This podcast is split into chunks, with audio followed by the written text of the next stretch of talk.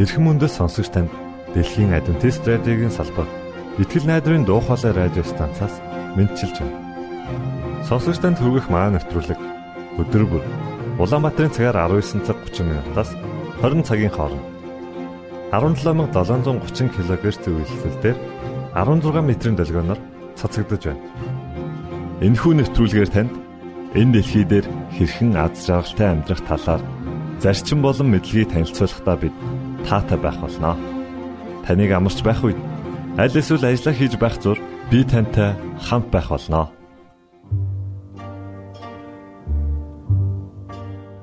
Өнөөдрийн дугаараар та бидний эрүүл мэнд юу бодож байгаатай маань холбоо хамааралтай юу гэдгийг олж мэдэх болно. Харин уран зохиолын цагаар Арчи хүүгийн багын мөрөөдөл түүний гэр бүлийн хүмүүс хэн байсан? Мөн түүний амьдралын талаар хамтдаа сонсох болно. За ингээд танд нэвтрүүлгүүдэд хүргэж байна.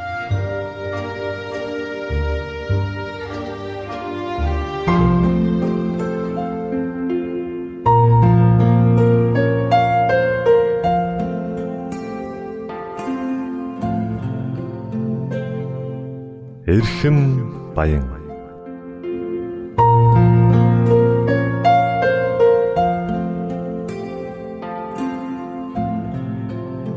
эрүүл амьдрах арга ухаан зөвлөмж тайлбарыг хүргэдэг эрхэм баян нэвтрүүлгийн шин дугаар эхэлж байна.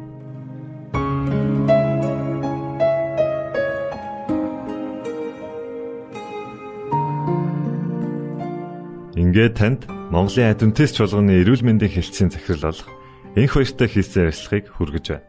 За бүгдээрээ өнөөдөр шинэ шинэ гараа буюу New Start гэж хүний эрүүл зохистой зөв амьдрахад бидэнд өгсөн зөвлөгөөний талаар дэлгэрүүлж ярилцъя л да.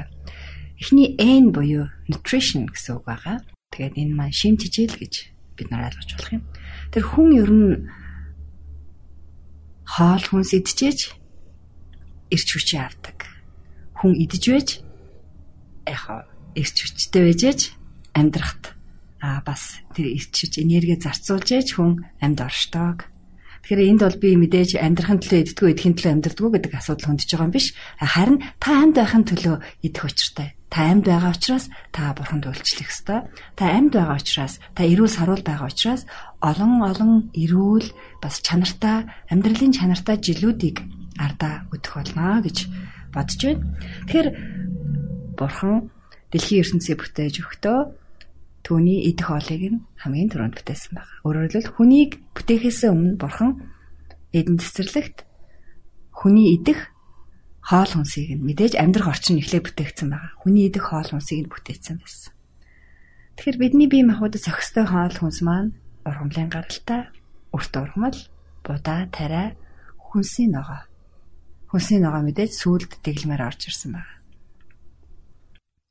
За ингээд өглөөний хоолыг яриа л да. Өглөөний хоолнд хүн өдрийн турш тэр хүнд хэрэгцээтэй эрч хүчийг өгөхөөр хоолыг өглөөдөө идэж явах учиртай юм аа. За ингээд өглөө бослоо. Өглөө хүн босоод цайгаа авна. Манайхан бол өглөөний цай авах гэж ярьдаг л. Яг үндэ л өглөөдөө цай авах та биш. Өглөөдөө бүр хоол идэж ивэл зүгээр. Хоол идэхдээ оройн хон хонсон халаасан хоол биш юм аа. Өглөөдөө боломжтой болвол мэдээж хоол хийж идэн гэдэг бол цаг зав их шаардах учраас хурдтай богино хугацаанд хийж болох чанарлаг хүнс идэж болох нэ тий. Үүний тулд ямар хүнс өгдөгвэ гэдээ аваад үзье л да. За би өөрийгөө яриа. Миний хувьд бол би өглөө осоод мэдээж ус уун хамгийн эхлээд хотод хаасан байгаа хотодыг усууж хоол боловсруулах замаа бэлтгэх хүчтэй юм аа. Ингээ хоол боловсруулах замаа бэлдсэнийхаа дараа 20-30 минутын дараа хоол идэх бэлтгэл хангацсан гэсэн үг шүү дээ. За өглөөд би өглөө эрт ажилдаа ядаг учраас өглөөдөө би obviously нэрс буюу одоо oat гэж байгаа тий. Obviously нэрс скол буруулжин бодог гэх мэт хамгийн хурдан болдог өглөөний каш идэг. Яагаад би obvious-ыг яриад байгаа гэхээр obvious маань маш их эслэг агуулсан хүнс дээрээс нь маш их илчлэгтэй өөрөөр хэлэх юм бол obvious идснээрээ тэр хүн амархан үлсдэггүй байхад байна. Үлсдэггүй мэдрэмжийг төрүүлдэг байх нь. Өөрөөр хэлбэл задрага нь бол удаан а эстиг ихтэй учраас бас би их хэрэгцээтэй биес гарах ёстой хог шарыг туугаад гаргацдаг байна шүү дээ. Тэгэхээр ирч хүчтэй байхын тулд одоо уураг, өөхтөс, нүүрс ус гэдэг гурван зүйл хэрэгтэй байна шүү дээ. Дээрээс нь амин дэм, эрдэс байц таван зүйл байна. За өглөөний цанаас бид нэр энэ таван зүйлийг тавуулангийн авна. За ингээд өдрийн хоол мэдээж 4-5 цаг ходоод амрах ёстой учраас 4-5 цагийн дараа өдрийн хоол ид. Өдрийн хоол идтэл хүнд аль болох дундуур нь илүү зүйл идэхгүйгээр зөвхөн ус л ууж байгаа хэрэгтэй. 2-аас 3 аяг ч юм уу 4 аяг ус уучгаад бол хүний өсгөлэн мэдрэмж өгөө болдог. Нэг зүйл байдаг л да хоол идсний дараа 2 цаг орчмын дараа хүн өсдөг. Энэ бол яг өсөлт биш. Энэ бол хуурамч өсөлт.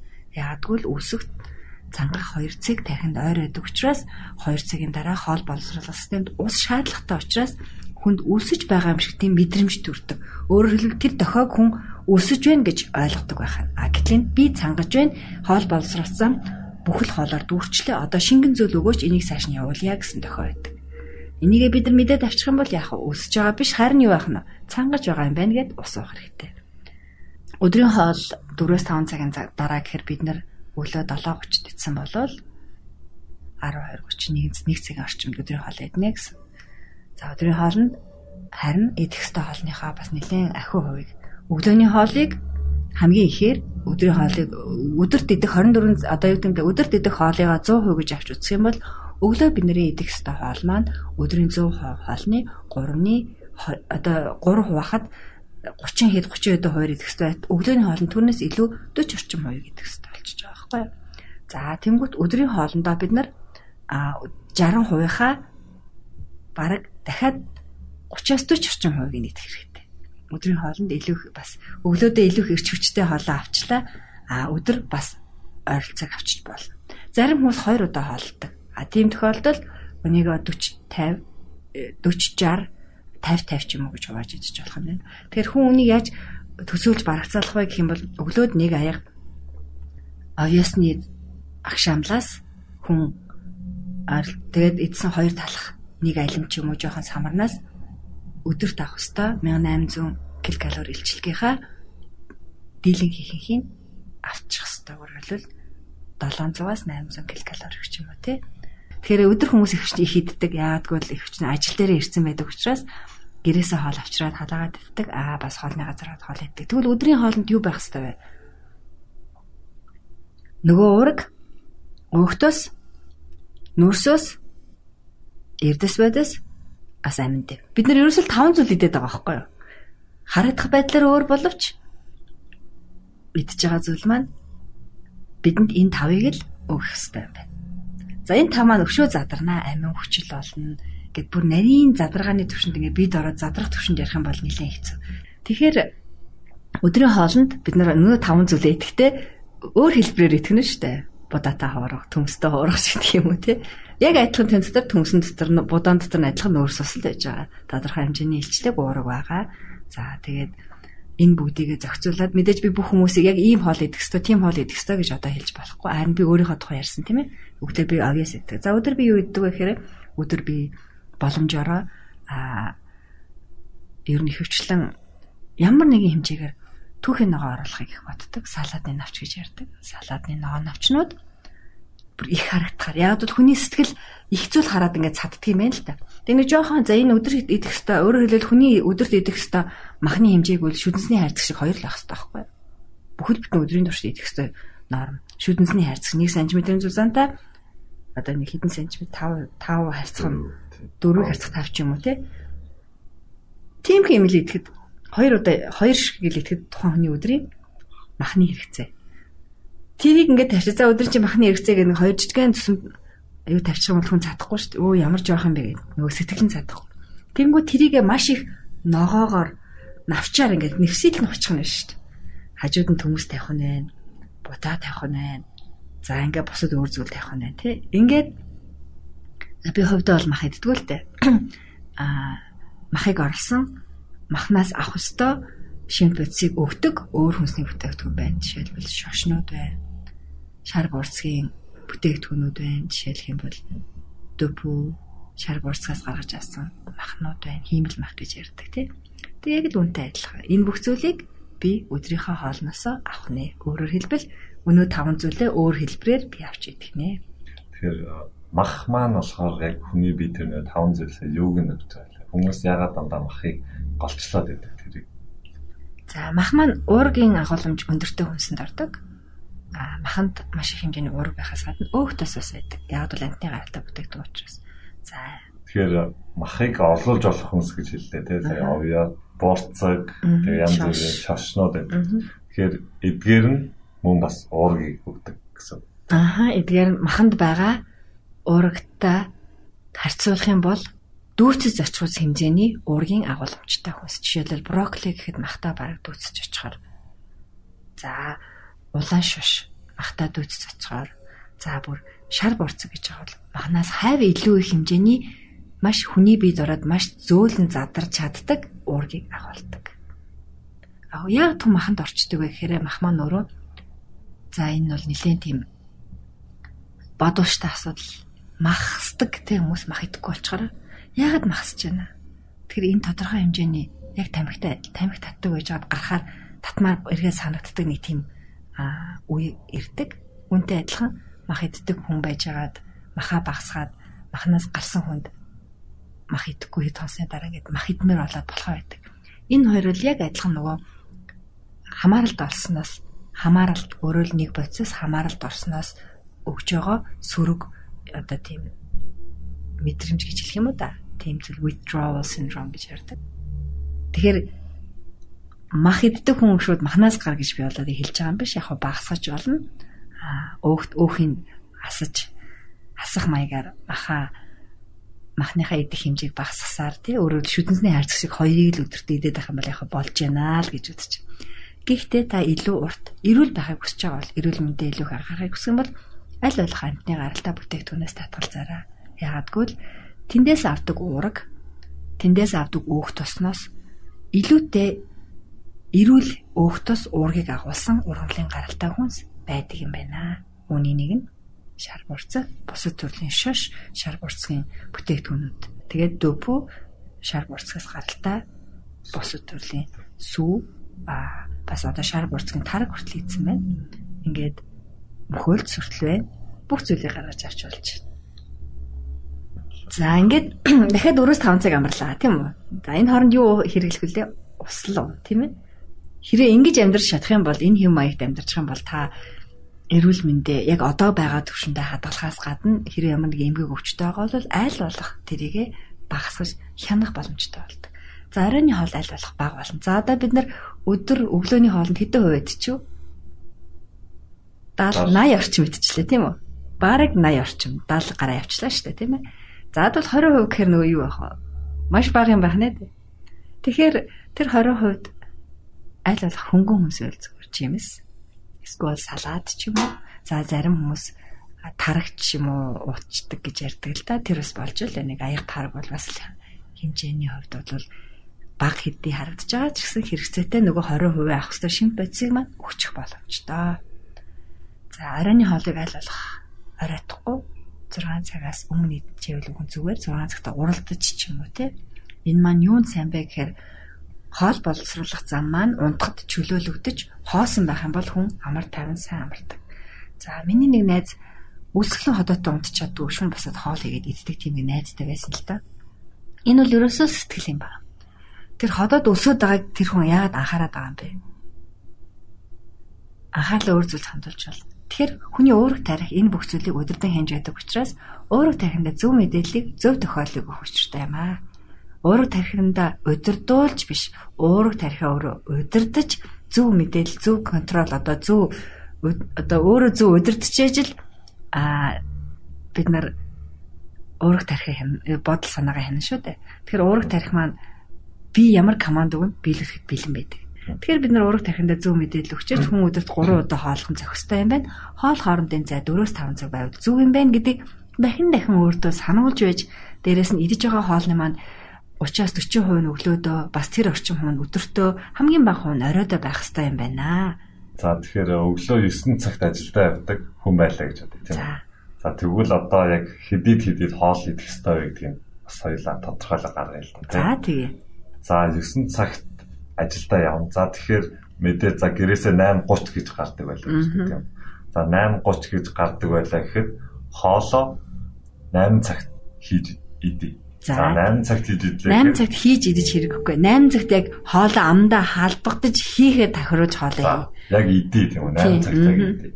За тэгэхээр 8 цагт идлээ гэж бодоход дараагийн хоол нь Нэг хэдэн цагт вэ? 1 цагт тийм 4 5 цаг гэхээр Тийм. 1 цаг 5 цаг за 1 цагт идлээ.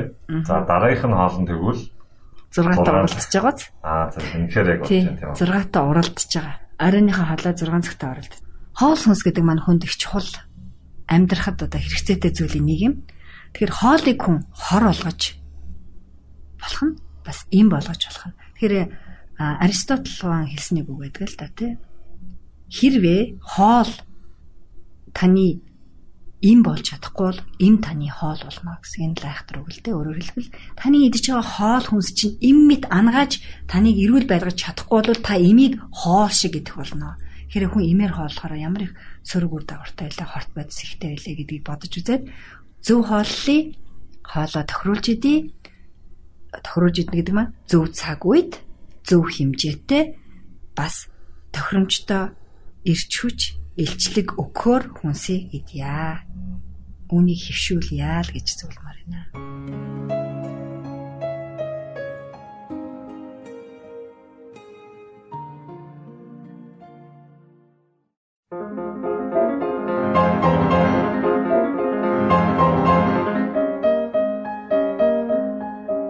Уран зохиолын цаг.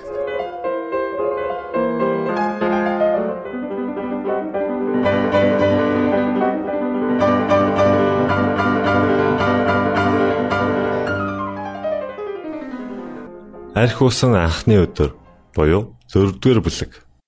Василийн дахиад 1911 оны 6 дугаар сарын 22-ны өглөө зуны анхны өдрийг зарлах мэт онготоход Арчи эртлэн сэрв.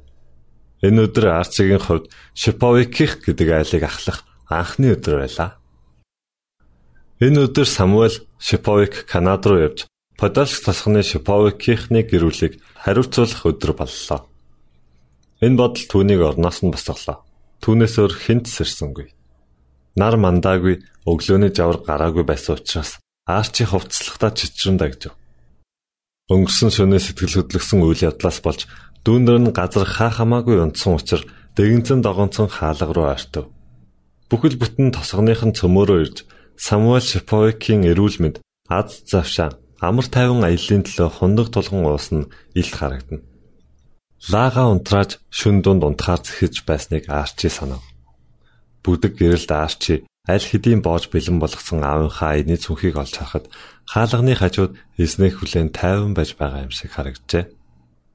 Аавынх нь ажлын сандал дээр байдаг айрс ажлын багцнууд нь үзэгдсэнгүй.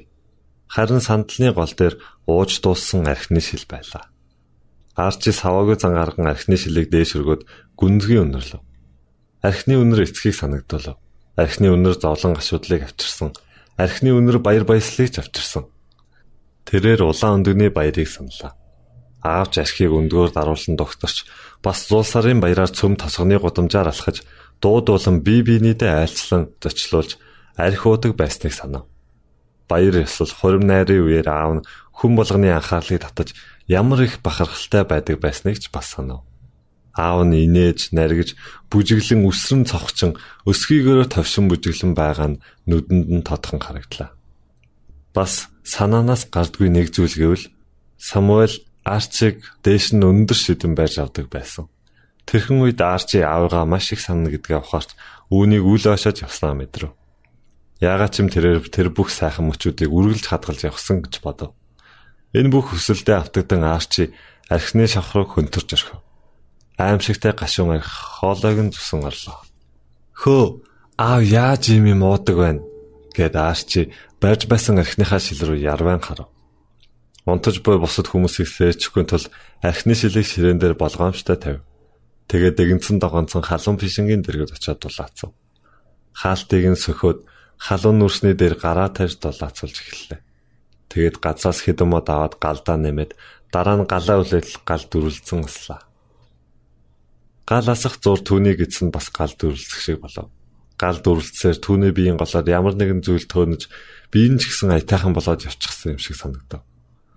За энэ ч архиных байхаа гэж тэр бодов. Тэгээд Арчи Пишингийн хаалтыг хагаад хаалга руу дөхөв. Тэрээр гадаа гараад хаалгаа яархан хааганга шатны эхнийг шүрдэр гიშгтэл нарны туяа түүний нүрэн дээр туслаа. Уусны дараа архич тийм муу зүйл биш юм шиг байна гэж тэр бодов. Тэгээд хөлтөн тэгэлцэн дахианууд хандан энэ бүхний эцэст хараад байхад насанд хүрсэн эр хүмүүр арх уудаг юм байна. Лам Горенкоч гэсэн уудаг шүү дээ. Би яах вэ найр наадам өчигдрийн шиг үйл явдал баг зэрэг уучрах болох юм байна. Би согтохгүйгээр ууж болох юм гэж хэллээ. Арчи хашааг хөндлөн алхаад нөгөө талд эмээгийн байшингийн ард очив. Тэр хашаанд зэрлэг сарнаа дэлбэлчихсэн харагдлаа.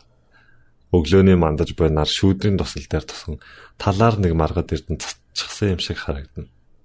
Арчи сарны англин үнрийг үнэртэхдээ сүмд очихдоо Иваны эхнэрийн даашинсны сайхан үнрийг үнэрснээ саналаа. Би газрын эзэн болоод ээждээ нэг шил үнэртэй ус авч өгнө гэж Арчи өөртөө амлаад магадгүй би их баян болоод гурван шил үнэртэй ус авч өгнө. Нэг нь яг сарнай шиг үнэртэй. Нөгөө нь голт бор цэцгийн үнэртэй. Гурав дахь нь Иваны хашаанд ургадаг цэцэгний үнэртэй усыг авч өгнө гэж дотроо ихэд баярлан бодов. Арчи нүдэ дүрлэлгэн Иваны эдлэн байшин үцхээр өглөөний гялцал байдлаас төр зур хөндөрөв. Хөдөө талыг тэржигтэн тэрвэд авах гэсэн юм шиг гараа алдлаад ядаргаагаа гартал сунаагаад нүдэндээ нулимстай. Иван чиний хизээч бодож байгаагүйгээр би баяжна. Миний эдлэн Канадын тал нутгаар үргэлжлэх болно. Би Оросын эзэн хаан суухаар тийм том байшин бариулна да. гэд Арчи бодолтой автаа зогсож байтал. Арчи гэд ихэн хаалганы хажууд хоёр модон хувин бариад даллаж байв. Жаахан ус аваад ирээч. Тэгээд өглөөний цагаа уу гэж хэллээ. За ээжээ. Би ч бүхэл бүтэн адуу ичгсэн ч чадхаар л байна шүү. гэд модон хувингаа аваад ходог руу шидэв.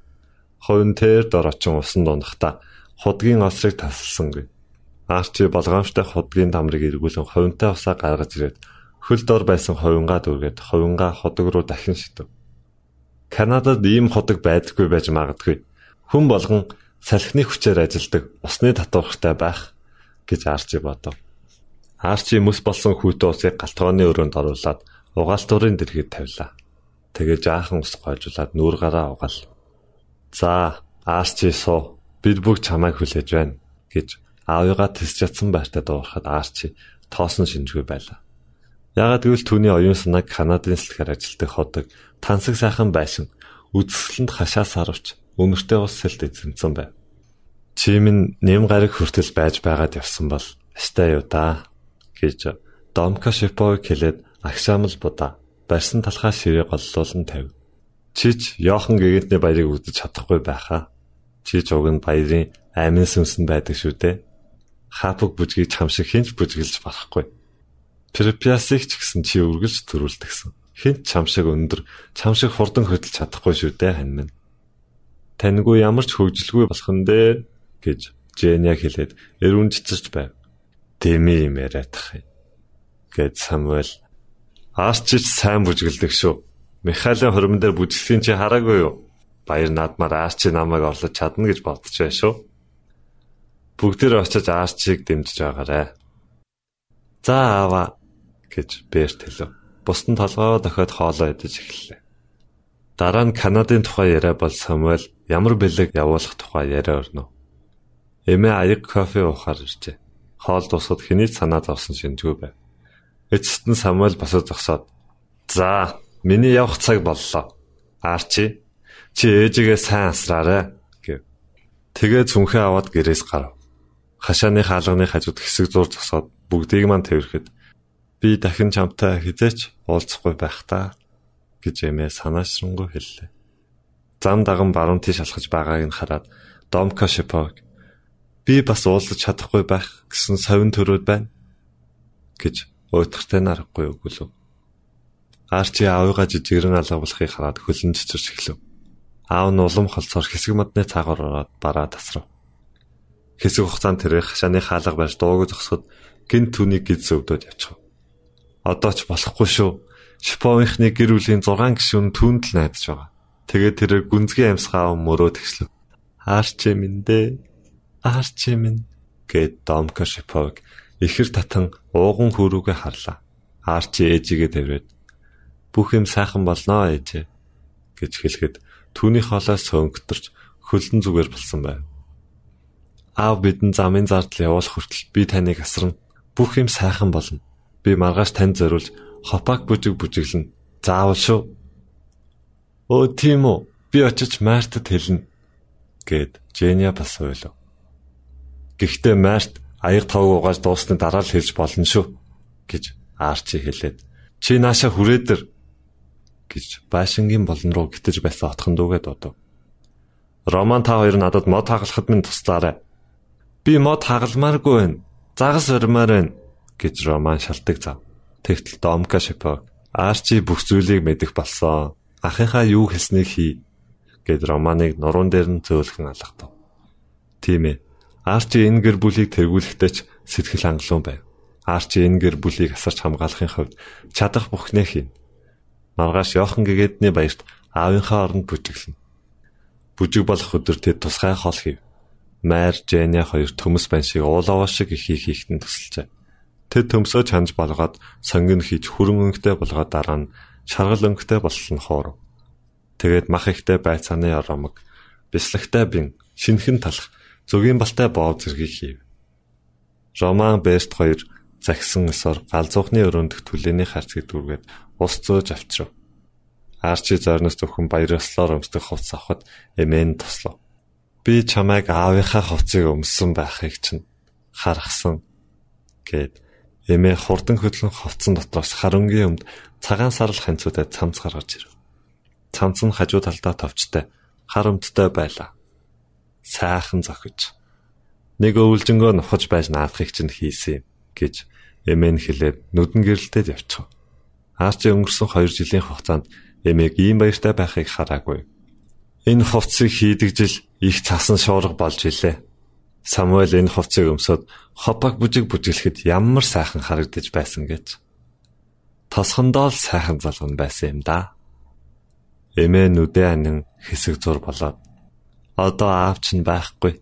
Маа үнийг өмс Та уран зохиолын цаг навтруулгийг бүлээн авч сонслоо. Дараагийн дугаараар уулзтлаа. Түр баярлалаа.